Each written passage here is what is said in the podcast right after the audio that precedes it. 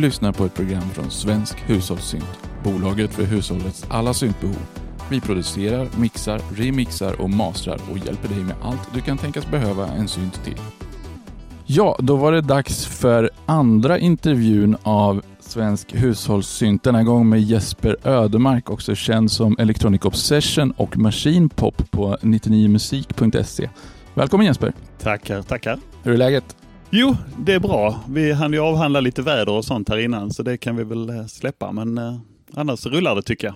Härligt. Eh, när jag hörde av mig till dig för att boka den här intervjun så sa du att en tisdag skulle kunna passa väldigt bra. Och vi spelar in idag på en tisdag, för tisdagar är din lediga dag när du leker i studion sa du. Ja, det, jag brukar försöka göra det i alla fall. Det är tanken. Det låter ju som ett väldigt lyxigt liv. Hur, hur kommer det sig? Hur har du lyckats få ihop det? Alltså jag, jag har ett jobb där jag planerar mina tider själv ganska, ganska mycket. Och det gör att jag har skottat ihop lite timmar på onsdagar och torsdagar. Och så jobbar jag helg och så ibland och då, då blir det dagar över. Det är ju perfekt. Jajamän. Och då brukar du försöka få lite rutin på att hänga i studion då? Jag har väl lärt mig att man måste nästan tvinga in en rutin för att det ska bli av. Ja, det där känner jag också igen. Eh, Just det här att liksom kreativitet kommer inte på beställning. Man måste liksom motionera in det och se till att man har en rutin som gör att man liksom vet att nu är det dags och, och då efter ett tag så kommer det. Det, det finns alltid något annat som också behöver göras som lätt hamnar på den där tisdagen. Det är väl så. Ja, så är det ju. Och jag har ju det här problemet att min tvättstuga ligger precis bredvid min studio, så att om man har en tvättdag samtidigt så kommer det att låta så mycket så man kan liksom inte, man kan inte kombinera det så enkelt. Fast det är ju hög SPK-faktor på det i och för sig. Att, att ha med tvättstugeljud, Ja, jag tänker det. ja då får man rigga upp mikrofoner och sånt också. För jag, det mesta jag gör nu för tiden är att jag mixar och mastrar åt andra och då behöver jag ju höra exakt vad jag gör. Liksom. Och då tumlar ljud och, och, och fin inställning av kompressorer är kanske inte bästisar. Jag förstår det, absolut. Men jag kommer ihåg första gången jag hörde talas om dig. Du har alltså nu har man ju hört talas om dig lite oftare på senare år när man börjar lyssna på poddar och sånt där och, och ryktet sprider sig. Men, men första gången jag hörde talas om dig var någon gång på 90-talet när jag som nybörjarsyntare letade efter lite olika skivor och, som inte fanns någonstans utan eh, ja, de var slut överallt. Och alla sa, ja men hör med, med Jesper, han har nog koll på det där. Han, han eh, har det mesta som ingen annan har. Eh, Ja, så var för- det kanske. Ja, för du driver ju, eller har ju drivit i alla fall, Electronic Obsession, den här skiv köp och byt-grejen. Stämmer, absolut. Hur länge har du hållit på med den? Oh, vilken bra. Jag funderar faktiskt på det lite innan idag. Jag tror att detta började hösten 93. Eh, och då, eh, då som glad skivsamlare så insåg jag att man kan inte, man kan inte komma ikapp de som eh, samlar Depeche. Så jag gjorde en, en någorlunda vuxen städning av en massa dubbletter och sådär. Eh, och för att det skulle ska jag säga, för att det skulle finnas något intresse och eh, folk skulle ta en på allvar så hittade jag på ett namn på det där och så tryckte jag det på en papperslista och skickade ut till dem jag visste höll på med sånt. Och, då, och, Och, det, och på, på den, den vägen är det. ja, och på den tiden var det ju analog utskick, alltså, så det var ju brev och post. Alltså. Absolut, och så jätteliten eh, text hade man för att man skulle hålla sig under vissa portogränser och så. Ja, just det. Men du skickade alltså ut eh, listor med vad du hade hemma som du var beredd att sälja? Ja, jag tror den första listan handlar om någonstans mellan 70 och 100 skivor jag hade städat ut. Så det var egentligen lite sån hyllhygien liksom. Ja. Och sen eh, på den vägen så blev det att när man var ute och grävde lite och hittade någonting som var intressant så plockade man med sig det också. Tänkte att det kan jag skicka vidare till någon annan. Både som en god gärning men också som ett sätt att få in några kronor och köpa egna grejer för sen. Ja, precis. Men, men då hade du dels koll på vad som var gångbart och, och intressant då? Ja, det är väl hela min ingång i alltihopa med, med det här med syntar och syntsvängen. Det är, det är det jag lyssnade på liksom. Ja, precis. Du hörde någonting som du tyckte var bra och tänkte det här kan jag göra själv. Eller du ville prova du också?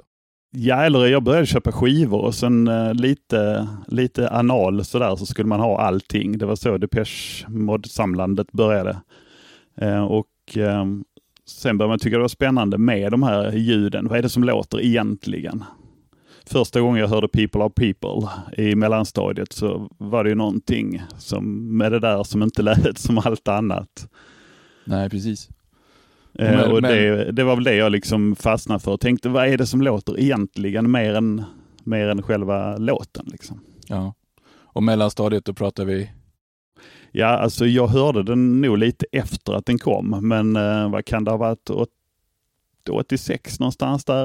Eh, började jag nog vidga vyerna lite mer utanför det som man hörde på mellanstadiedisco. Men, men eh, kärleken till musiken är liksom redan, den har alltid funnits där, men just att du hamnade i syntbiten var, var Depeches fel så att säga. Alltså jag skulle vilja säga att jag lyssnade ganska lite på musik eh, när jag växte upp. Jag var en sån där som hade, jag har en mamma som är musiklärare, så hon spelar mycket musik hemma, men det var ju andra grejer. Eh, och sen eh, lyssnades det mycket på radio. Eh, men eh, det var ju mer pratradio så att säga. Så det var egentligen i mellanstadiet när, när klasskompisar började eh, spela musik, man gick på någon sån här larviga diskon och eh, hörde grejer och så tyckte jag att mycket var för dåligt. Eh, och fastnade för det som lät kul. Så det var nog den ingången det var, skulle jag vilja säga. Precis. Ja, jag, jag kommer ju själv ihåg när man hörde syntmusik första gången, eller elektronisk musik, för jag kommer ju från ett hem där det spelades mycket country och rock'n'roll och sådana grejer. Även om det inte lyssnades på musik varje dag, så, så när det lyssnades på musik var det samma typ av grejer. Så så fort man hörde elektroniska ljud så blev det blev ju lite annorlunda och intressant tack vare det. Då. Man ville sticka ut och ja, ta det någon annanstans än det som kom hemifrån. Ja, men, och, ja det, ja, nu svamlar jag, men det låter absolut som eh, något liknande. För bara, bara lyssna på popdängorna som gick i radio, eh, det gick ju att göra det också, men jag tyckte de kändes ganska formstöpta. Eh, och syntpoppen som var ingången för min del, den kunde också eh, kännas lite formstöpt, men den hade åtminstone något, det var något exotiskt över ljudbilden som jag gick igång på. Ja, det är samma för mig. Men, men då måste jag ju ställa den här obligatoriska frågan kring vad som utgör en bra låt. Alltså, ska en bra låt kunna spelas på ett piano och fortfarande vara lika bra? Och den diskussionen har jag haft så många gånger, eh, bland annat med Eddie Bengtsson. Han har jag pratat mycket om det. Han påstår att en bra låt ska fungera på akustisk gitarr och piano och så vidare. Eh, och jag, jag tillhör inte de som säger det. Naturligtvis om man gör ren popmusik så kan man spela det på det mesta. Eh, Men om man gör musik som man baserar i ljud ganska mycket, Alltså det funkar ju inte. Ett elektroakustiskt verk skrivet på piano, det, kan vara jättebra men det funkar fasen inte på akustisk gitarr. Så är det. Eh, jag håller helt med där. Alltså, baserat på genren naturligtvis. Jag menar Eddie Bengtsson i Pars, han håller ju på med syntpop, så för honom är det naturligt att, att låten ska funka i klassiska arrangemang. Men, men jag uppskattar ju, precis som du säger, rent elektronisk, elektroakustisk musik och då, då är det ju ljudet som är grejen. Ja, och, det, och som sagt, ja, det var det jag kom in i också. Att, eh, och då gick det att lyssna på syntpop och det gick att lyssna på, på body och det gick att lyssna på eh, lagom med mycket det som hette industri en gång i världen och som har fått så många andra eh, namn nu och så vidare. Och det är det jag tycker var intressant då och ja, fortfarande skulle jag vilja påstå. Så det du lyssnar på när du själv väljer vad du får lyssna på, det är, ja vad är det? Jag lyssnade på Nine Inch Nails innan idag, så att eh, så kan det ju vara. Eh, men eh, jag, jag tycker att jag har bred smak, åtminstone i genren. När jag pratar med vanliga dödliga där ute så tycker de att hur kan man hur kan man bara lyssna på det som vi en gång kallade synt? Och då eh, försöker jag väl säga att eh, det går så bra så. Men eh, numera ganska mycket minimal wave, en del postpunk, men också återvänder jag naturligtvis till syntpop-favoriter. Och, och när man är på bodyhumör så kör man det också. Ja. Absolut. Men görs det någon ny bra body då? Ehm, vilken bra fråga. Ehm, det är väl lite provocerande att säga nej kanske, för jag är alldeles för dåligt insatt. Ehm, men det som jag fastnade för eh, när, alltså när jag var 17 och man hade tokig frisyr och, eh, och sprang kring i eh, armébrallor och så. Det eh, har jag inte hittat någon bra ersättare för nu. Men det finns ju andra sidan kvar det gamla och då kan man ju ta ett varv till på den, på den bogen. Ja, för, för jag, jag fastnade, precis som du, jag fastnade också i den här 90-talsbodyn och, och, och det som springer ur, ur tidiga Nitzreb och Duff och de där, den där feelingen. Liksom. Och jag, var länge sedan jag sprang på något nytt sånt, men å andra sidan är jag inte den som letar musik på det sättet, så det finns säkert där ute, bara att jag missar det. Det är väl förmodligen så. Men jag tycker å andra sidan ibland när man, man, när jag sitter och snurrar till exempel på Soundcloud eller, eller Spotify för den delen och så får man någonting rekommenderat. Och detta är ofta när jag är ute och rör mig, går eller åker kollektivt. Eh, när man då eh, drar igång någon spellista. Och jag tycker det är väldigt sällan jag blir överraskad av någonting som där jag tänker att oh, det här var nytt i den genren. Däremot eh, är det, är det lite mera eh, do it yourself, eh, minimal wave eller postpunk eller så, då det, kan jag mer fastna och tänka att det här var gött. Det lägger vi ett bokmärke på. Ja, och det var ju väl egentligen ytterligare en fråga jag tänkte ställa, det här med hur man, hur man hittar ny musik. För att jag har blivit så lat så att jag har hamnat i min Spotify-algoritm som eh, bara presenterar dansmusik för mig numera. Vilket jag uppskattar för att jag hittar väldigt mycket bra saker där. Men, men eh, jag har inte vårdat algoritmen så att den ger mig gammal synt längre. Det, det får jag ingen. Hur, hur hittar du dina? Eh, jag har nog hittat det på eh, genre framförallt. När man har insett vad någon kallar någonting. Och då kan det vara ett band. Där är ju Soundcloud ganska bra tycker jag. Eh, sen kan man behöva gå vidare därifrån för att många mindre bolag lägger upp en eller två låtar på ett album kanske för att de vill ha spridning. Eh, men hittar man ett band man eh, funkar så kan man ju dra igång det om det ligger något på Soundcloud så får man liknande grejer. Och där har jag hittat ibland, men jag vill absolut inte påstå att jag är någon så här, åh, nu har jag gjort några nya fräcka fynd eller så. Jag tycker det är, det är rena mardrömmen om någon skulle säga så, sätt ihop en lista på eh, de bästa låtarna 2021, för det kan jag inte. De upptäcker jag säkert om två år. ja, nej, men det är lite sådär. Och, och det tycker väl jag, det är både styrkan och svagheten av streamingtjänsterna. För på något sätt så, så hjälper de en ju att vada genom flödet, men de blir så snabba på att bestämma sig för vad de tror att man tycker om. Så att man, man kan liksom gå vilse i, i rekommendationerna också. Ja, absolut. Och så finns det så mycket gammalt, så jag, jag vet inte, jag känner väl kanske inte att jag behöver jaga så mycket nytt när jag kan jaga gammalt. Nej, just det. För det gamla har du ju koll på sen förr så att säga. Jag försöker ha koll på det, sen kan man alltid leta sig bakåt. Jag skickade iväg en, en betalning för en skivbeställning idag. Och det var ju, det var ju gammal skåpmat från tidigt 80-tal och sådär. Så att, eh, ja. Det är nytt för mig. Men, men du jagar fortfarande fysiska släpp då och, och försöker komplettera samlingen på vissa håll och sådär? Ja, absolut. Hur ser du på den nya, alltså streamingtjänster och, och, att köpa filer och sånt där? Det är inte riktigt samma feeling. Oh, det var nästan ordvits på den. Eh, jag, jag har köpt jättelite. Jag har, har nog en handfull saker jag har köpt eh, filer alltså. Eh, där jag velat både stötta och så någonting som jag visste att jag ville lyssna på men som inte fanns.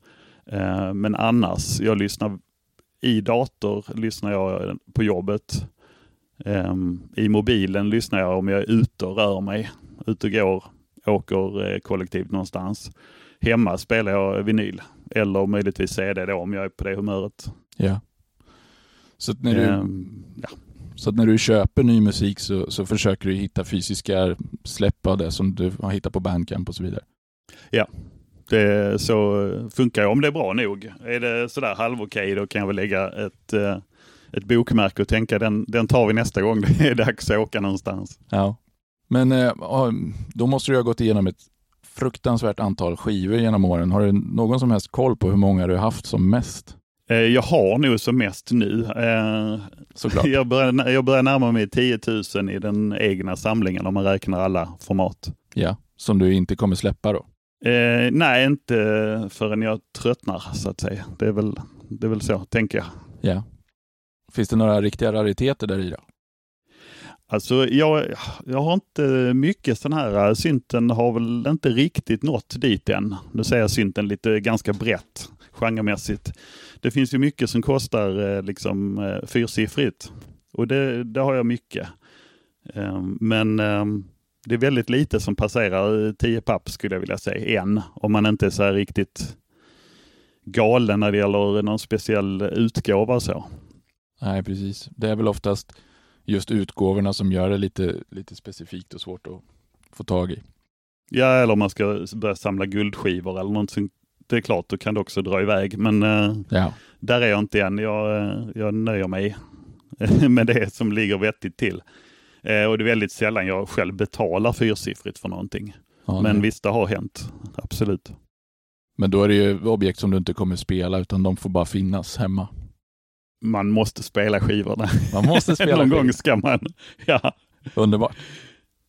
Eh, jag tycker att eh, alltså folk som köper vinyl idag och inte öppnar eh, shrinkwrappen och sätter i hyllan eller i backen eller så. Är, jag tycker det är lite obehagligt faktiskt. Så det pass. är lite seriemördarvarning på det tycker jag. Lite kaninkokare sådär. Ja, lite, lite eh, American Psycho. Eh, så här.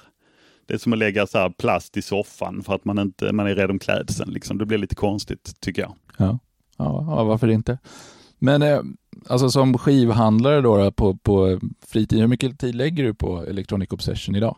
Eh, Just Electronic Obsession idag ligger väl går ganska på lågvarv. Eh, Det mesta rullar genom Discogs numera och då blir det lite nollsummespel, att man får in lite och sen köper man för dem. Jag kallar det monopolpengar, det som, det som hamnar på eh, Paypal liksom. Ja, precis. Och då får Och man så göra bränner man det i andra ändan på något man själv vill ha. Men det är ganska ojämnt. Det märks, eh, det märks när det har varit dåligt väder i, i Centraleuropa efter löning eller så. Då kan det ramla in eh, ett par beställningar på lite udda grejer. Ja.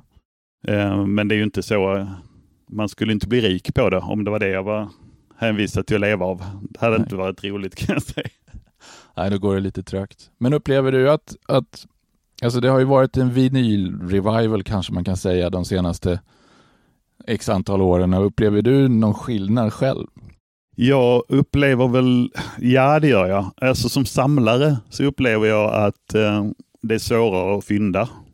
Men det har ju också att göra med att alla har tillgång till nätet. Står man i en, i en källare i, i en svensk stad och har hivat upp någonting så kan man ju kolla direkt på Discogs ungefär vad den borde kosta. Um, så den tiden är ju lite svårare när man kunde dyka ner i en skivbutik och så gå ut därifrån med, för två, med 250 spänn fattigare men 25 skivor rikare. Liksom. Och så visar det sig att en av de där skivorna kanske betalar för de andra 24. Det går nästan inte att göra längre. Eh, och det kan jag tycka är lite synd. Eh, inte bara ekonomiskt utan mer att den här spänningen att jaga, den, eh, den finns inte riktigt på det sättet. Sen tycker jag ur ett försäljningsperspektiv eller som vad ska jag säga, samlarhandlare eh, så har ju hela Östeuropa öppnats och Sydamerika är, har ju fått det lite bättre. Och båda de eh, områdena levde ju liksom under sån, sånt styre på 80-talet att det var svårt att få tag i. Så när man då kan lasta iväg en laddning singlar till någon snubbe i Chile liksom som tycker att det här är livet. Det är ju gött för en själv också måste jag säga. Ja, det, det är kul att kunna ge tillbaka lite och se att folk blir glada av samma sak som man själv blir glad av en gång i tiden. Ja men precis. Det här med att det pressas en massa ny vinyl och att mycket liksom, ny musik kommer ut på vinyl. Det måste ju vara en positiv trend för dig då som, som föredrar att spela vinyl hemma. Ja, jag tycker det är kul. Och det, alltså, det här jag beställde nu, det var från en, eh, ett, ett ställe i, i Tyskland nu som bara släpper gamla saker men på vinyl. Alltså gamla kassetter som har varit omöjliga att få tag i. Eh, och att det då hamnar på vinyl, det tycker jag är jättepositivt. Sen har ju hela boomen också gjort att nu är det många som har svårt att ge ut sånt här i mindre upplagor för att det pressas så mycket populärmusik Ja. eh, återutgåvor som man ibland kliar sig i huvudet och undrar varför, varför kommer detta igen? Det står ju i varenda reaback liksom. ja. Jag menar inte minst, nu ska jag inte säga att de står i reabackar, men nu när, när ABBA släpper nytt så är det ju helt vansinnigt när alla ska köpa gamla ABBA-LPs. Och då tänker jag, ja men vänta nu här, de, de fick de ju nästan ge bort för några år sedan. Ja visst, de har ju varit på vinylloppisar överallt liksom. Ja, och han jag ju handlade av nu, han beklagar sig att Adele hade släppt nytt nu, för det var lite känslan att jaha nu, nu ska den pressas på varenda presseri i hela Europa liksom. Ja. Ja, och sen alltså vinyl blir ju lite speciellt också eftersom det dels är ett hantverk att pressa själva skivorna, men det är också ett hantverk att spela in och mastra och få det så att det funkar på vinylen. Så det ger ju ett specifikt sound. Ja, det där kan du säkert mer om, men absolut är det ju så. Det är ju, det är ju den här eviga diskussionen om är det varmare, är det bättre och hit och dit. Jag, jag tycker den är väl egentligen ganska fjantig. Um, man gillar väl vad man gillar. Jag, jag, jag lyssnar på Nine Inch Nails som sagt tidigare, The Fragile, den är utgiven på trippelvinyl. Liksom. Det är något visst med att och veckla upp den där gatefolden och, och kana ut dem och sen efter några låtar så tvingas man gå och byta. Så att man, man har det ju inte som, eh, vad ska jag säga, städ och diskmusik utan man lyssnar ju faktiskt när man lägger på det. Ja, och jag kan ju också sakna den här känslan av att man lägger på ett album liksom, och man lyssnar från början till slut så som artisterna tänkt att det ska vara. Precis, och det får du aldrig i algoritmen tycker jag. Nej, så är det ju. Ehm, men mitt eget föredragna format är ju CD, eh, just av bekvämlighetsskäl och jag har aldrig haft en vinyl som har funkat tillräckligt bra. Så jag har liksom inte riktigt landat i, i vinylen, även om jag naturligtvis uppskattar de större omslagen och större bilderna så att man kan se och kanske läsa text på baksidan. Det är inte riktigt samma sak att öppna ett litet jewel case och pillra ut den där bookleten och försöka läsa sig till vad de har tyckt om saker och ting. Nej, jag brukar säga det att jag tycker det var trevligt när Digipacken dök upp lite mer frekvent, för det kändes det som att, att det var något försök att göra någonting liknande. Eh, och kanske är det den här ömtåligheten som jag eh, gillar också. Att en, eh, en digipack som hamnar i en back i en skivbutik, den blir också lite förstörd. Ja. Eh, och där, då finns det ju en glädje igen i att jaga någonting som duger till samlingen på något vis. Det låter ju halvknäppt, det är ju lite som eh, folk som håller på med serietidningar och liknande, att eh, där är ju en, en ömtålighet i det som är, är charmig, inte bara ljudmässigt utan även förpackningsmässigt. Ja, men jag, jag, tror att det någonstans i människan finns en önskan att, att spara saker till oändligheten på något sätt och, och därför så ser vi lite ömsint på just ja, men förpackningar och saker som ska hålla och sånt där. Den, den grejen försvinner ju lite grann med det här digitala. För lägger du upp någonting på molnet eller på internet överhuvudtaget så kan du förvänta dig att det finns. Du får ju nästan aldrig bort det snarast. Nej, och tittar man på stora streamingtjänster då ligger ju dessutom sakerna ofta med det datum när de har blivit upplag, upp, uppladdade. Eh, och det kan jag tycka är lite irriterande för det förstör liksom eh, den här ekorren och den ordningsamme skivsamlaren in, i mig vill ha det i ordning. Ja. Och om det kommer ett album från 83 fast det är uppladdat 2015 då, då står det ofta 2015 på det och då blir man ju skogstokig. Alltså. Ja. Ja, och det där har jag undrat över ifall, ifall det verkligen stämmer, för jag har sett ett antal gånger. Nu har jag, jag har sällan lyssnat på musik som är så pass gammal att jag vet om att den gavs ut ett visst årtal. Men det har alltid varit så här, bara, vadå, den här kom väl 2005 snarare än 2017, vad är det här liksom? Ja, jag tror att det är helt enkelt en lathet från ett, ofta ett skivbolag då, att man bara tankar upp det och så var det bra med det liksom. Ja, och skriver man en liten grej att hänga upp sig på kanske, men, eh, men vill man gräva någonting och få ett sammanhang, en, en timeline över en artists utveckling eller så, då vill man ha det i ordning. Ja. Tycker jag. Um, och när du säger artists utveckling så kommer vi till en annan eh, intressant fråga som jag har gått och funderat ganska mycket på. Hur ser du på att artister förändrar sig signifikant över sin karriär? Person, ja, du får svara först så ska jag säga vad jag tycker sen. Då får du facit efteråt. Ja, just det. men det är bra. Eh, jag brukar alltid dra upp eh, Ministry när, man, eh, när den frågan kommer upp. Liknande, hur mycket får en artist förändra sig? Jag tillhör ju de som, som tänker att ja, lagom är bäst. Liksom. Ehm, men det är ju för att för något man gillar. Alltså jag, jag uppskattar jag uppskattar Ministry. Jag uppskattar dem som syntpopband, som bodyband och även eh, det som en gång hette crossover eller industrial eller så. Men när jag tyckte sen att det spårade över i, i mer metal än, än eh, ja, industrisynt eller så, då, då tappar jag lite intresset. Liksom. Sen är det deras business. Alltså jag, jag tillhör inte dem, jag skulle inte sitta och skriva sura grejer på nätet som en annan fjortis och, och liksom säga att så här får ni inte göra med, med mitt band och så. Um, Lite så tänker jag. Eh, det finns ju andra band som eh, så att säga utvecklas eller återförenas och så ska de göra någonting.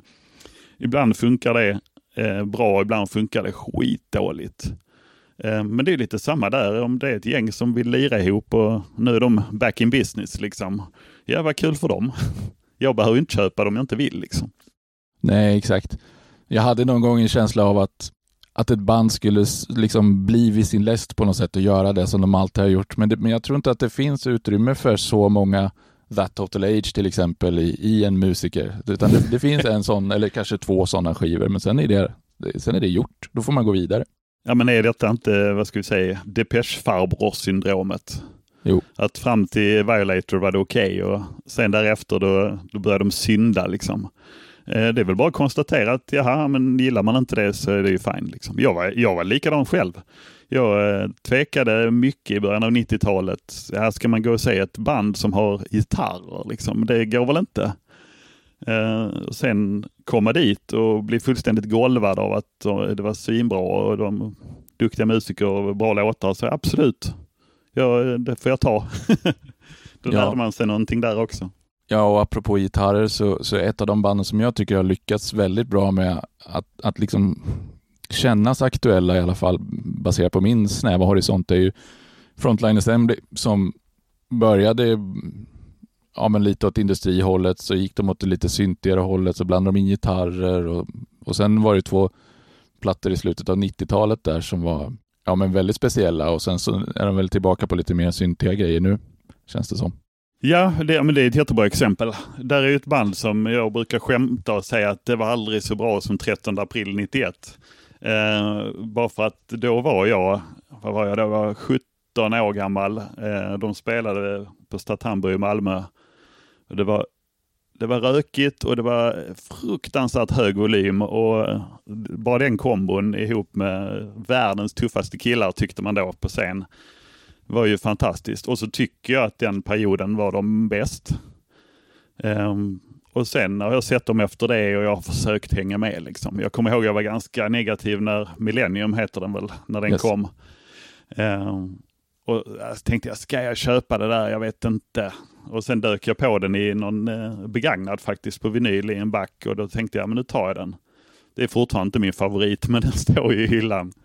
Ja, jag, jag, tycker den är fantastisk. Ja. Uh, Tactical Neural, uh, Millennium och Implode är nog mina högsta frontline-album. Ja. Ja, och jag kom in med eh, liksom strax före Gash Sensis tror jag. Och sen uh, Tactical Neural Implant. Och det är klart att det var ju, det blev lite benchmark därför. Så är det ju. Men eh, från att lyssna väldigt mycket på musik och köpa och sälja skivor så bestämde du dig för att börja skapa egen musik och började köpa på dig prylar till det. Ja, absolut. Um... Och man får väl notera att du följer lite grann samma samlarmani i fråga om syntar känns det som. Absolut, super, eh, superanal där också. The more the merrier. Så är det ju. ja, och det är helt fantastiskt när man ser vad du har för prylar och hör dig berätta om hur du har fått tag i dem och och varför de är viktiga för dig och så vidare. Eh, men kommer du ihåg vilken var den första du köpte? Eh, ja, jag kommer ihåg eh, faktiskt, eh, alltså förstoryn är väl egentligen att jag hade en kompis som, han spelade i band, jag kände hela bandet, men han spelade i band och han hade, jag tror han hade ärvt pengar. och sen hade han själv då köpt, de andra hade väl inte så mycket stålar, så han hade köpt utrustning. Och sen insåg han väl rätt snart att det var inte riktigt hans grej. Och istället för att sälja allting med eh, liksom förlust så stod det. Och sen sa han, ja men du kan låna det. Um, och så jag asade ju hem en rigg i, hemma i pojkrummet som jag aldrig hade kunnat drömma om själv. Och det var inte så superavancerat, men det var en sampler. Det var en relativt kompetent keyboard som jag inte kommer ihåg vad det var för någon. Uh, och sen var det ju då liksom Atari och, och Cubase och hela det kittet. Eh, och där lärde jag mig eh, liksom hantera samplern. Och tänkte att den som en gång hade råd med en sån här, det hade varit gött. Liksom. Eh, så den första, vad ska jag säga, riktiga maskin jag köpte, då, då köpte jag en sampler. För det var ju det, var det jag menar Frontline Assembly använde. Det var det Front spelade. Det var bra smidiga grejer liksom.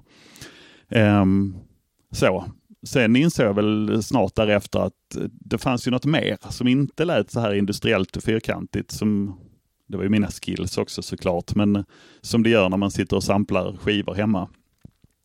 Och jag nämnde mamma, hon jobbar i skolan, eh, högstadie, är musiklärare och över sommaren så lånade hon hem skolans synt. Wow! Så här, va? Eh, och en gitarrförstärkare så att vi skulle kunna spela hemma och testa. Liksom. Eh, och det var en Roland SH09 och en gitarrförstärkare med inbyggt reverb. Eh, och jädrar vad roligt jag hade hemma med den. Och det lät ju förfärligt och så, va? men det lät ju fantastiskt samtidigt och bara förstå hela grejen med det här som mamma musiklärare inte riktigt greppat. Monofoni, vad kan man ha det till liksom? För en annan blev det magi. Eh, så på sätt och vis är väl den min första synt. Ehm, efter, det var ju inte min först, men, men det är nu. Den är, är du som har bilden, står där borta. Står. Ja, just det. Eh, så den, den har liksom, för sen utrangerades den från skolan och jag eh, passade på att överta den jag tycker fortfarande den låter fantastiskt för, i sin enkelhet. Um, men det var väl egentligen det stora. Så började med en sampler och sen uh, den dök in på ett hörn. Eh, och sen byggde jag på det med ett par stycken billiga eh, monofona, så kallade småsyntar som jag brukar kalla dem. Eh, det här lite mindre, mindre längd på klaviaturen, ofta bara en oscillator. Och, eh, och sen upptäcka glädjen i det. Och så kombinerar jag det med, med sampler när jag behövde göra trummor och, eh, och så man lyckas programmera något elände i Atarin. Jag förstod väldigt länge inte poängen med att uh, ha externa uh, trummaskiner utan tyckte att det går ju jättebra i samplern. Och det har jag lämnat efter det kan jag säga. ja, för nu kör du, jag vet du har lite Simmons grejer va, som brukar vara Ja, jag fastnade rätt mycket för Simmons ett tag. Och så blir det lite det där också. Börjar man leta så, eh, så springer man på grejerna. Ja. Men, vad, Men det ja. var ju väldigt många år när, eh, när jag höll till godo. Jag tror jag hade tre analogsyntar och en sampler eh, under eh, alla åren jag pluggade. Liksom. För då hade jag inga pengar. Så då fick Nej. man ju kräma ur det man kunde ur det man hade. Liksom. Ja, men det är väl också en kreativ alltså sporre att, att försöka jobba med det man har helt enkelt. Ja, absolut. Och som sagt, SN09 har jag kvar. Jag har faktiskt kvar samplern också. En Casio FZ1. Mm. Expanderad till 2 megabyte. Eh, och den, eh, jag samplar aldrig längre. Men den är fortfarande en, eh, en schysst masterklaviatur. Liksom. Ja. Och sen har det liksom rullat på och har fyllt på med syntar när du har snubblat över bra exemplar och så vidare. Ja, jag skulle vilja säga att när jag började jobba eh, och det var vad blir det nu, 97 eh, fick jag jobb, heltidsjobb och jag flyttade till Malmö. Och eh, jag flyttade ihop med min, min dåvarande tjej. Och då, eh, ja, med undantag att man skulle liksom betala för mat och hyra och ta sig till jobbet med bilen ungefär, så blev det plötsligt pengar över. pengar som trots fortsatt idogt synt, eh, syntmusiksamlande så eh, gick det faktiskt att skaffa grejer. Och jag har aldrig varit så att jag har fastnat och tänkt att nu ska jag leta tills jag hittar ja, synten X. Liksom. Utan jag började hänga väldigt mycket på Ebay och eh, titta snarare på, inte kan jag hitta den där grejen jag läst om, utan snarare vad är det här för något knäppt jag ser på bilden? Det har jag aldrig hört talas om. Eh, och så fick man ju då eh, ta reda på vad det kunde vara. Om det kunde vara någonting bra. Då hade man ofta några dagar på sig innan auktionen var slut. men, men det här måste, eh, det måste ju ja. vara när eh, ATZ och Peter Forrest hade kommit ut, så du måste ju haft dem i, i, i bakfickan. Ja, de, eh, jag sprang på Peter Forrests auktion relativt tidigt och jag köpte hans böcker rätt så tidigt. De låg som någon sorts sån här toalitteratur som man satt och bläddrade där och kunde leta upp och läsa på. Eh, och sen ibland så gick det ju även att, eh, att googla lite och hitta någon bild någonstans eller läsa någon kryptiskt inlägg på någon, något tidigt forum om någonting. Och eh, då kunde det absolut vara värt att prova också. Ehm, för det var ju billigare med syntar runt 2000 än vad det är idag. Så är det ju. Helt klart. Jag, jag kommer ihåg de där ATZ, jag, jag har sträckläst dem, alltså från perm till perm båda två. Nu är det, Absolut. nu är det lite si, äh, gammal utgåva jag har, så det har säkert fyllt på med mer. Men äh, alltså det är ju en guldgruva till information, men samtidigt så ibland har jag en känsla av att, att man i huvudet mytologiserar maskiner och får dem att bli mycket coolare än de är. För, för att de beskrivs som lite speciella och magiska på något sätt och sen när man står med dem framför sig så blir man så bara, jaha, var det inte mer än så här? Absolut, och jag har alltid gillat, vad ska jag säga, jag har gillat eh, quirky och udda och lite knäppa maskiner kan jag väl säga också. Så när folk, jag menar alla har vi väl fastnat för, i alla fall vi som vi som är vi som lyssnar på detta har väl fastnat för eh, KOI MS-serien. För att den ser ju knäpp ut. Det är ju någonting med den som gör att eh, man tilltalas i det här science fiction-films eh, telefonväxelnerven man har. Eh, men de är ju ganska vanliga. Eh, om man, nu pratar vi vintage eh, på det sättet, men eh, alla har haft en MS Volvo som vi kallar dem ett tag, MS20. Ja. Har haft eller, eller har eller vill ha eller sådär. Och då har jag ofta tyckt det var roligare med de som kunde dyka upp på Ebay som man tänkte, vad i hela friden är det här? Allra helst skulle det inte ens stå någonting i A till Z eller väldigt lite. Uh, och då kunde det vara, ja det här verkar spännande, den, den vill jag ha. Den vill bara, jag prova liksom. Bara för att liksom? Ja, och och vad ska jag säga, det som är gemensamt för alla de maskiner som kanske inte är moderna klassiker när de kom, utan lite bortglömda i bakvattnet, det är ju att de är oftast fruktansvärt dåliga på allt. Men de är jättebra på någonting. Ja. Det är liksom ingen bred palett, utan det kan ju vara en maskin som, eh, ja, det här kan mest låta lite sprucket och knasigt, fast det gör det på ett fruktansvärt bra sätt istället. Nej, men jag, jag har en känsla av att när, alltså under tidigt 80-tal och sådär, när, när många syntar kom som hålls som stora saker idag, som Pro One och så vidare, då, då känns det som att de på något sätt såldes till arbetande musiker, så de, de hade ett specifikt, en specifik målgrupp och ett syfte, medan man, man Idag känns det som att mycket syntar mest tillverkas för glada amatörer. Det, det känns som att marknaden har skiftat lite. Ja, det pratar vi ibland om när vi ses online, det här med att eh, man har pressat priserna fruktansvärt mycket och då måste man väl också pressa det så att eh, man får in en, det är en större målgrupp. Du, du kan inte göra en synt idag som är svår att förstå. För då säljer du ingenting av den, tänker jag. Utan den måste vara eh, ganska enkel. Jag menar det här exemplet som eh, cut-off-ratten, den ska vara liksom stor och synlig. För att det är den som eh, varenda synt, syntsnubbe eller snubba, oavsett om de är 15 eller 55, hittar i affären. Ja. Där är den och vrider man på den så händer det grejer liksom. Ja. Eh, och det sammanfattar väl det ganska bra. Det blir liksom lite löjligt eh, egentligen. Det här med att stå och, och tvinga sig att använda en ganska dålig maskin för att kräma ur den det den kan bäst. Det tilltalar mig. Ja, jag förstår det och jag har också förstått att EDP ehm, e W.A.S.P. är bland dina favoriter, om inte den absoluta favoriten. Jo, men absolut är det. Ehm, och den är ju egentligen, den kommer ju faktiskt ur historien av att eh, prispressa det så att man ska få ut den till så många som möjligt.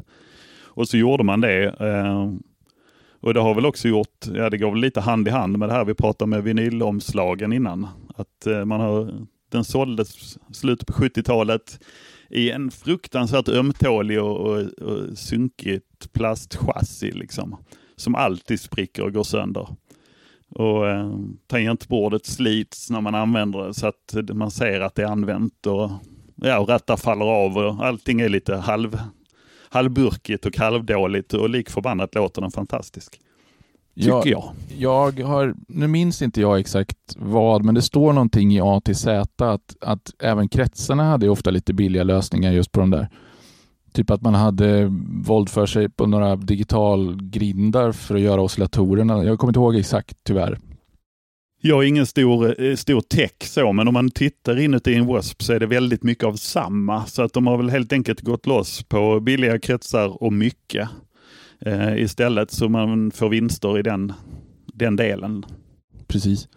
Eh, och min enda erfarenhet av WASP är egentligen att jag hade en sån döpför-modul i min första modular någonstans 2001, 2002 någonting. Och det, det filtret var ju helt galet. Det, det fick för sig att överstyra sig själv på något vansinnigt vis ibland. Så det, det liksom, ur, ur, vad som helst kunde det komma bastoner som bara skakade om hela, hela rummet helt plötsligt. Ja, men det låter väl, det lät väl kul?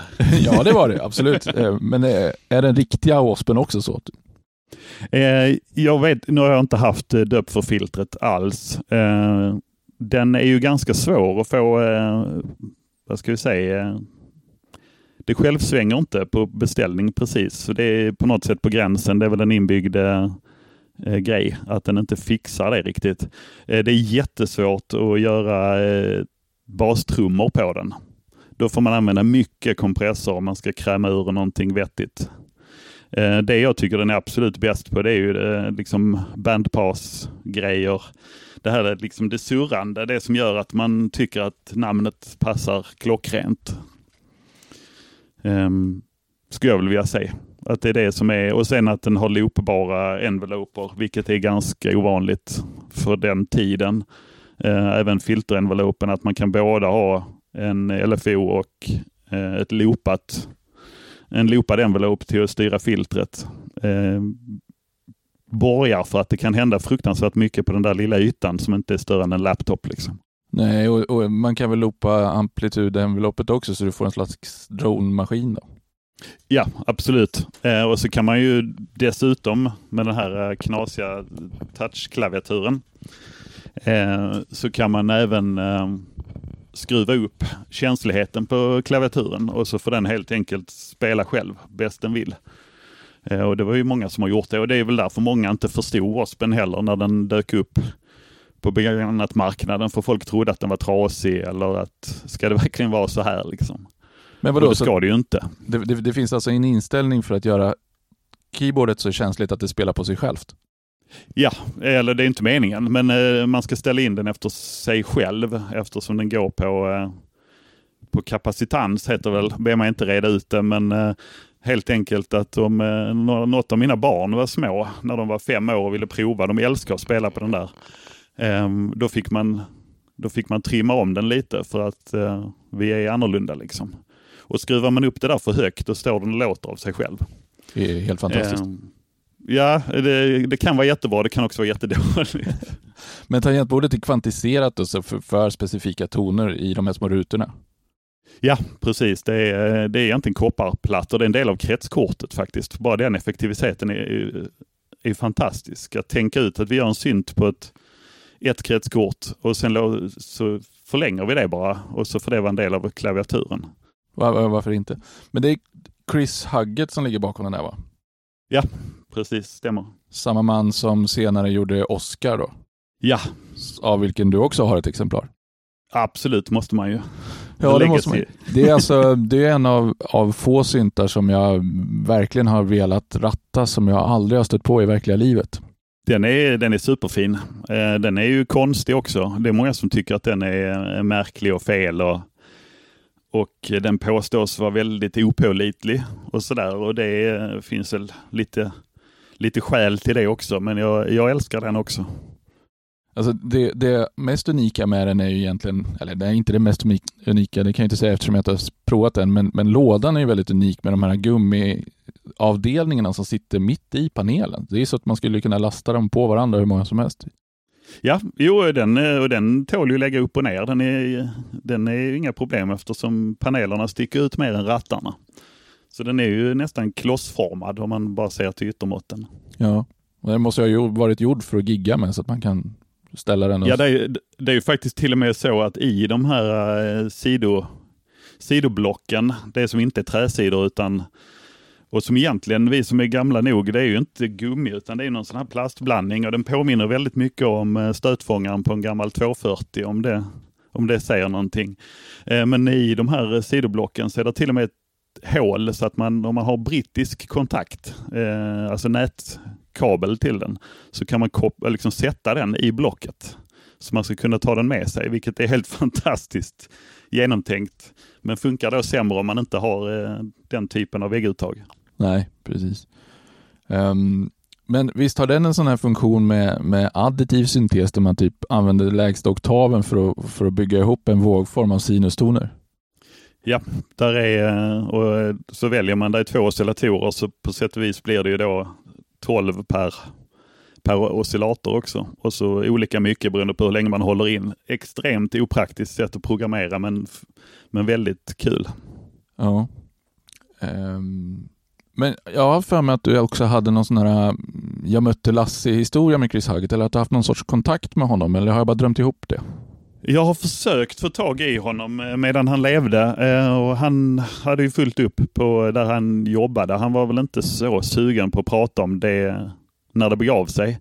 Däremot har jag eh, korresponderat en hel del med Adrian Wagner, den andra snubben bakom. Han var supertrevlig att ha att göra med och sådär. Men det var väl en del ont blod och tråkiga affärer som inte gick som de skulle så som påverkade de där herrarna och deras relation. Liksom. Ja, för det var Wagner som var businessmannen lite mer och Hugget som var designern. Ja, eller Wagner var nog, eh, ja, han var nog drömmaren. Han var nog den som ville vara business. Eh, och Chris var ju teknikern. Ja. Så skulle jag vilja säga. Okay. Eh, och eh, Wagner han var ju också musiker och han hade väl sina drömmar om vad han ville kunna göra av det här. Liksom. I korta ordalag. Men uh, ur EDP-floran då, om vi går tillbaka till ditt favoritmärke då kanske, är det någonting du saknar där eller? Ja, absolut. Och jag har faktiskt, jag har varit så, eh, jag har faktiskt tänkt att det här måste jag jag, jag har gjort vad jag kan för att jaga rätt på det jag saknar. Eh, I ATZ, som vi nu har nämnt, det blir tredje gången här nu, så påstår Peter Forrest att det ska finnas en eh, NAT, som är den alltså nedbantade waspen, en Nat Deluxe. Det vill säga en Nat med, i trächassi med eh, tangenter som rör sig. Eh, och eh, jag har frågat Peter om det där mer än en gång och han påstår sig ha sett den. Och jag tror fortfarande att det är en missuppfattning. Att han antingen har sett något, eh, något bygge eh, baserat på en W.A.S.P. eller en annan klaviatur. Eh, för det finns inga spår efter den, även om den står i boken ingenstans, ingen känner till det och ingen av dem som jag varit i kontakt med, eh, Paul Wiffen som också jobbade i, med både Oscar och W.A.S.P. Han, eh, han menar på att nej, det där är något tokigt liksom. Um, så den har jag väl gett upp, men däremot så vet jag att det gjordes två stycken keytars. Oj. Två. Eh, och de har jag försökt spåra faktiskt. Eh, det är en vit Eh, fruktansvärt ful är den. Eh, den, eh, den finns med i en enda video med eh, Mr Sailing och eh, eh, vad är det han heter nu?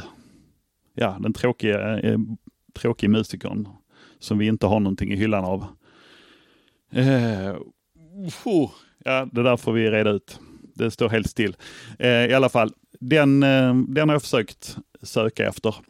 Ehm, ingen vet var den finns. Eh, kan mycket väl ha hamnat eh, på tippen någonstans när den gått sönder. Den andra, och den är väl lite mer känd i syntsammanhang, det är att i eh, Landscapes video till Einstein Go-Go så spelas det Keytar. Utöver de fruktansvärt coola simonspukorna och uh, Lyricon-blås och sådär. Och den Keytaren, en svart, den bygger, det är egentligen en wasp inuti den. Och den skulle man ju vilja dyka på. Eh, och jag har varit i kontakt med Landscape-folket också eh, och de vet inte vad de blev av, tyvärr. Men det är alltså ett, ett hemmabygge där man stoppat en wasp i en magsynt helt enkelt? Ja, eller rättare sagt inte ett hemmabygge utan den byggdes faktiskt på kommission av EDP. Eh, så att uh, den är så att säga officiell men det finns bara en. Men det är väl lite mer holy grail att få tag i någon av dem. Um, men i övrigt så har jag allt som gavs ut så att säga. Alla deras kommersiella produkter har jag. W.A.S.P, Spider, Nat och vad mer? Caterpillar och sen då specialversionerna av W.A.S.P och Nat. Just det, eh, W.A.S.P Deluxe. Special och Nat Special och W.A.S.P Deluxe. Just det, vad var special-varianterna för något? Eh, Special kom i andra inkarnationen. De gick i konken eh, flera vändor, så andra inkarnationen så eh, då kom den med svart eh, det var svart panel och tangentbordet var svart med guldfärgade eh, små tangenter emellan istället. Så den såg lite lyxig ut och så var det en eh, mahognilåda och ingen inbyggd högtalare. Eh, så att den skulle se lite lyxigare ut. De skröt väldigt mycket i sina promoblad om att det är brasiliansk mahogny. Det kanske inte är så PK idag, 2021, men det var väldigt fint i början av 80-talet. Eh, och där gjordes både Nat och eh, Wasp i en sån special. Eh, och sen deluxen då, då är det en enorm jättekloss till låda med, med lite extra features och så då riktiga tangenter. Samma brasilianska mahogny och en mycket större högtalare inbyggd. Alltså den har också högtalare inbyggd? Alltså. Den har också högtalare och den är ju bra mycket större än den som sitter i den vanliga Waspen. Så den låter helt annorlunda. Plus att det då är en trälåda så att hela lådan vibrerar och skorrar inte på riktigt samma sätt som den gör i plastbyttan. På, på gott och ont då kanske man kan säga. Ja men precis. Men eh, alla de här syntarna som du har nu då, de, de eh, använder du naturligtvis när du gör egen musik. Och eh, jag känner ju till åtminstone ett av dina projekt Eh, men, men du får jättegärna berätta lite vad, vad du har för olika projekt på gång. Ja, alltså på gång eh, det är ju också jättesvårt. Eh, det går så långsamt så det är väl inte, man kan knappt säga att det är på gång. Men mitt, mitt huvudprojekt är, är Där jag gör, ja vad ska jag säga, lite quirky syntpop-aktigt baserat på Tolkiens sagovärld en eh, konstig kombo tycker en del. Jag tyckte det var en kombo som behövdes, som inte fanns. Eh, så det gör jag. Det är väl min huvud, huvudgenre eller huvudprojekt. Sen eh, finns det ju några synder där ute av det som eh, också är mitt eh, alias online, Machine Pop. Um, och där har jag släppt några grejer, men det var egentligen, där jobbar jag rätt mycket efter Dogma att det, fick, det skulle gå undan och det skulle vara kvantiserat och det fick bara vara ett visst antal kanaler och så vidare. Eh, och det skulle handla om teknik och så vidare. Eh, och det var väl ett sätt tror jag att komma igång ordentligt och faktiskt göra någonting. Inte bara sitta hemma och låta utan tvinga sig själv att piska ut någonting. Eh, men eh, där har jag inte varit särskilt aktiv eh, med det. Men det finns kvar någonstans. Och sen har jag någon liten pågående eh, postpunksådra också. Eh, jag har egentligen bara släppt en låt så här långt, men det finns mer i pipen. Liksom. Men det är väl de tre grejerna ja. som finns. Men varifrån kommer den här Tolkien-idén och tanken kring det? Ja, alltså vilken bra idé. Jag, jag läste, jag läste Tolkien på 90-talet. Eh, läste ganska mycket böcker då och så landade jag i den. Och så tänkte jag, varför har ingen gjort detta? Och sen har ju folk gjort det och det insåg jag ju så småningom. Eh, jag menar Bo Hansson och rätt många progmusiker på 70-talet flummade loss i, i tolken liksom. Ehm, och det har även dykt upp saker senare. Men jag tyckte inte att det fanns någonting i den genren där jag gillade att hålla till. Eh, och så tyckte jag att det fanns så mycket berättelser att berätta. Eh, det är väl ingen hemlighet heller att under den här tiden så var ju Spock faktiskt ett, ett band som som folk lyssnar på och köpte skivor med och så vidare. Ganska mycket. De spelar ju överallt i Sverige och deras grej var ju och är ju att eh, göra science fiction. Eh, ganska, ganska kul och enkelt. Liksom poplåtar, inte så mycket atmosfäriska utsvävningar utan ganska rakt och underhållande. Och då var jag inne på inledningsvis i alla fall att ja, men detta måste ju gå att göra på samma sätt. Varför får inte hobbitar och alver och, och så var det roligt. Liksom. Det var väl där någonstans det började. Ja. Eh, ett ganska rakt berättande. Sen har det blivit lite mer filosofiskt med tiden. Kanske. Tänker på textinnehåll då eller, eller? Ja, alltså från början kunde man ju ta i princip ett kapitel eller en del av ett kapitel och så berätta en historia rakt upp och ner. Eh, nu, eh, nu kan ju textinnehållet kanske baseras i det men eh, faktiskt handla om lite djupare saker. Det man läser mellan raderna. Och Det är väl också skillnaden på att vara 20 och vara lite mer än 20. Man tänker annorlunda. Ja, precis. Ehm, men när du, när du spelar på dina syntar nu då, så, så jag har fått för mig att du är kvar lite grann i din gamla um, Atari som du köpte där på, på 90-talet. Om det kanske inte är samma exemplar, men lite motsvarande. Absolut, alltså jag har kvar min gamla Atari. Den ligger i klädkammaren. Eh, den fungerar hjälpligt. Den är ganska glappig men eh, den finns. Eh, jag sequensar från Atari idag också. en Mega 4 numera dock. Också med härlig svensk eh, synt-legacy under chassit. Fick den av en kompis och den, den får rulla. Jag tycker det är något skönt begränsande i Atarin. Det är helt omöjligt att sitta och pilla med transienter och, och rita och dutta på skärmen utan man vet vad, vad man har att jobba med. Liksom. Och så gör man det bästa av det. En sorts kreativ begränsning på något sätt. Fast jag menar, du har ju tillräckligt med hårdvara för att inte vara begränsad ändå. Ja, absolut. Och eh, det enda jag kan pilla med nu, det är likadant när jag bandar. Jag bandar inte i PC normalt. Eh, utan mer än eh, alltså banda ner en stereomaster. Utan jag, jag spelar in på hårddisk inspelare. Och det gör också att det går inte att sitta och klippa precis varenda grej och hålla på och dutta med det och höja och sänka och så, utan det får bli lite som att spela in på multikanalsbandare. Och jag tror att jag behöver det för jag är nog den typen att jag hade lätt kunnat sitta och hålla på för evigt med en virvel liksom. Och jag vill inte vara så utan jag vill bli färdig. Så är det, det är svårt nog ändå. Men, men blir du inte så när du står och rattar på syntarna att du känner att ja, men liksom, nu har jag spelat in den här men jag skulle fan kunna öppna kartoffeln lite mer på, på, på just det ljudet? Jo, eh, och det är faktiskt precis det som eh, jag har lärt mig också. Att jag eh, jag, när jag gör musik så rullar allting samtidigt. Så att när jag repar och bygger en låt så ja, man kanske gör 8 eller 16 takter med en, en basgång. Och sen tänker man att nu ska vi ha in en kick här och så tittar man på den hyllan där trummisarna står och så plockar man fram någonting som man tänker det här kan vara kul att jobba med idag. Eh, och så kranar man fram någonting och sen när man tycker att ah, det här låter bra så jobbar man vidare därifrån. Men det gör ju också, fördelen är ju att Eh, två timmar senare när man har byggt upp någonting som kanske känns lite mer som en låt. Så märker man att den där kicken den kanske krockar lite med en, eh, en basgång till exempel. Eh, och då kan man krana live och så sänker man eller höjer eller filtrerar eller förkortar eller vad man nu gör. Ehm, och det går ju då eftersom jag rullade live och inte har, har låst mig och spela in det så att säga. Men sen när du, när du har gjort alla loopar så att säga och, och hittat de olika delarna, lajvar du ihop själva arrangemanget ner på hårddisken då? Ja, alltså jag, jag kör egentligen allting live. Så enda anledningen till att jag sen har eh, spelar in det på eh, multikanals eh, HD, det är väl egentligen för att processa effekter och, och pilla med det i efterhand. Alltså EQa och hålla på. Um, för nu har jag 24 kanals mixer och 24 kanals bandare så att säga, även om den är digital. Um, och då kan jag slänga in det liksom. Men då går det ju att köra hela trumpaketet.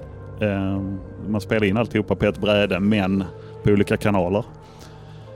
Uh, och behöver jag då ta om en, uh, en sketen öppen hi-hat eller något annat som jag tycker låter konstigt så är det ju inga problem. Det är ju bara att göra om den delen. Yeah.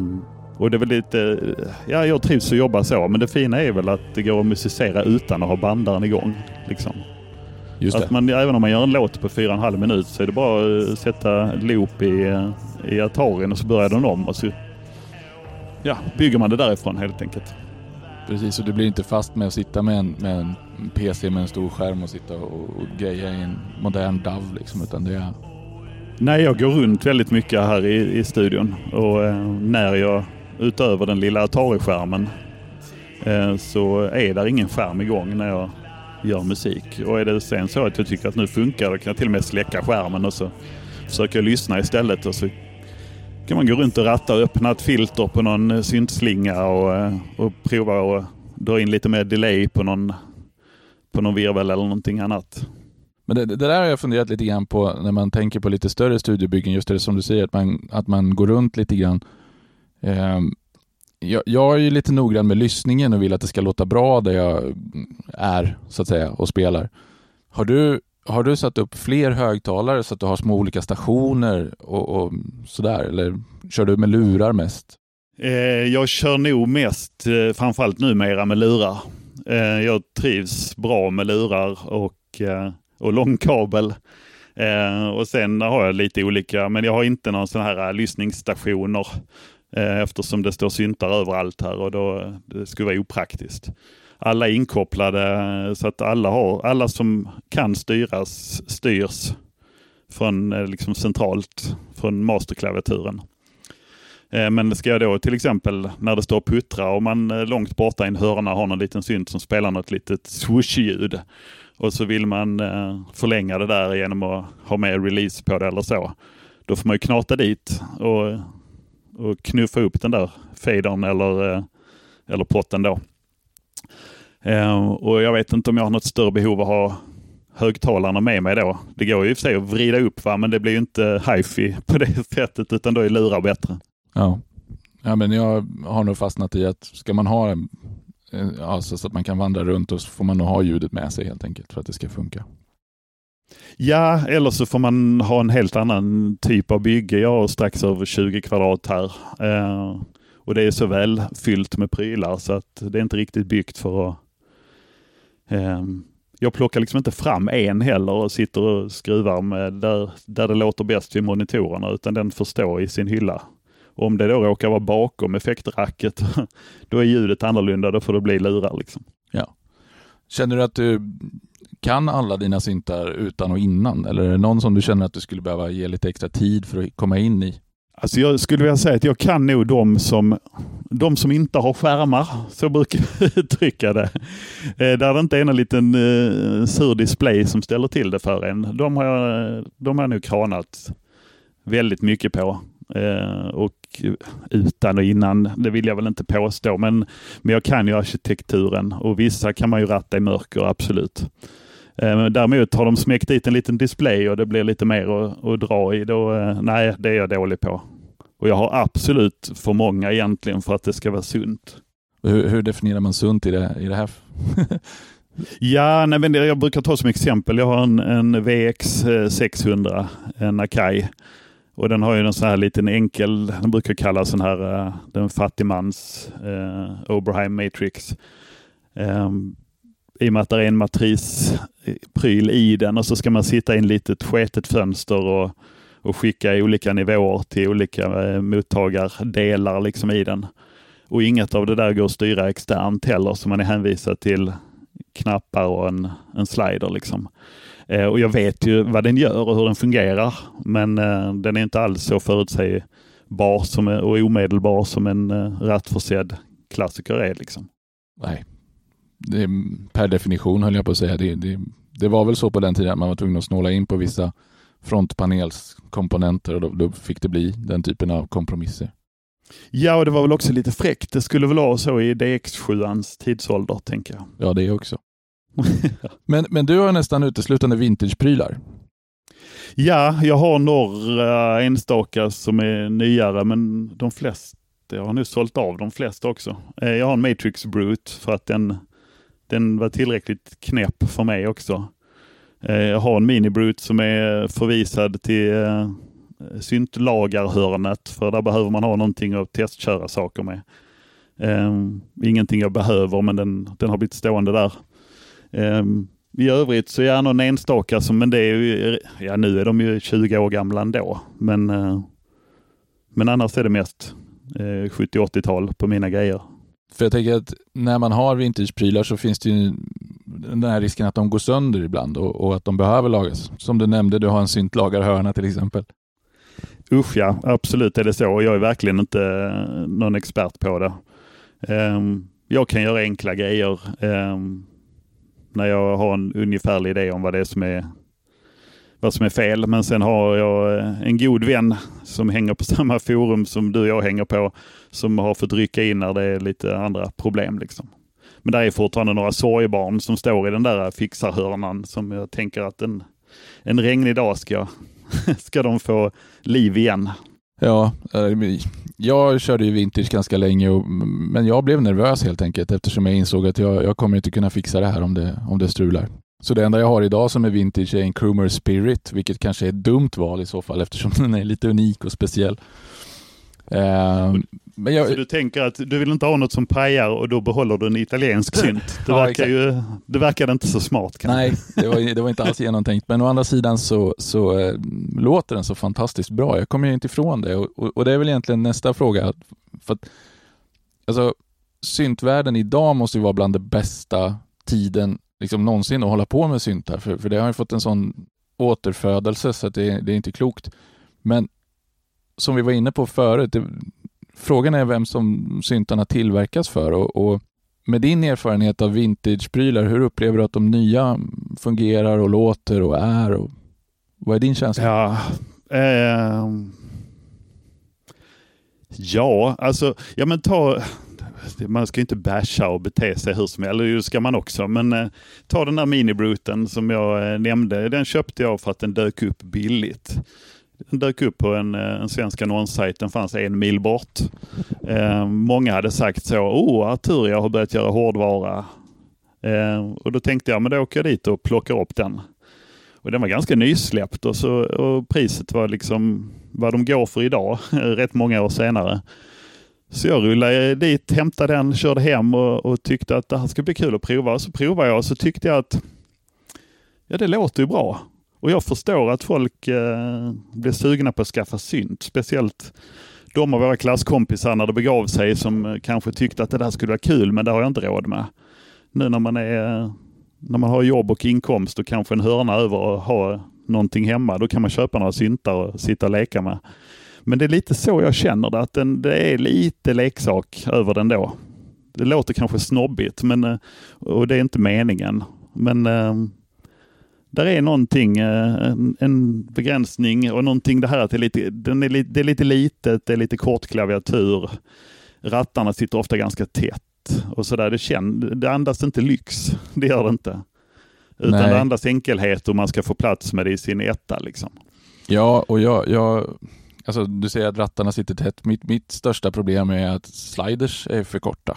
Ja, och jag, jag, nu råkar den stå här också, den som kallas bogen då. Eh, Minimog eh, hyllningen påstår väl Beringer att det är då, men eh, deras, eh, deras eh, tagning av, eh, av Minimogen.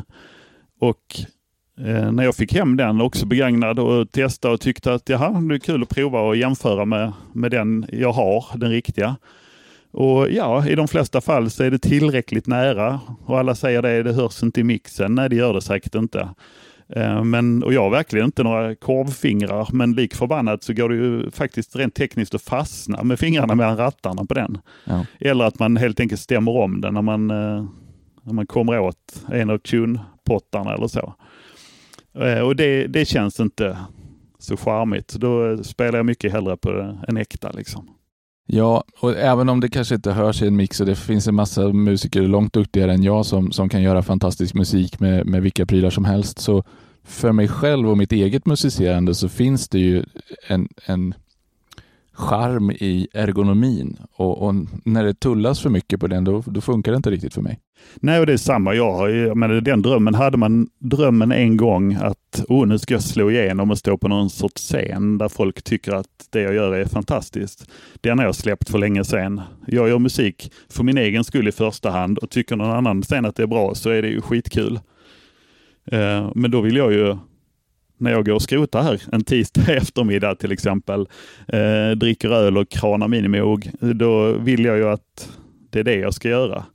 Eh, då har jag inte lust att sitta med en sån där liten leksaksdesktop, utan då, eh, då får det vara lite mer hardcore. Liksom. Ja. För det ger mig någonting. Nej, men det finns ju en anledning till att folk kör i gamla mm, sportbilar från 70-talet och tidigare.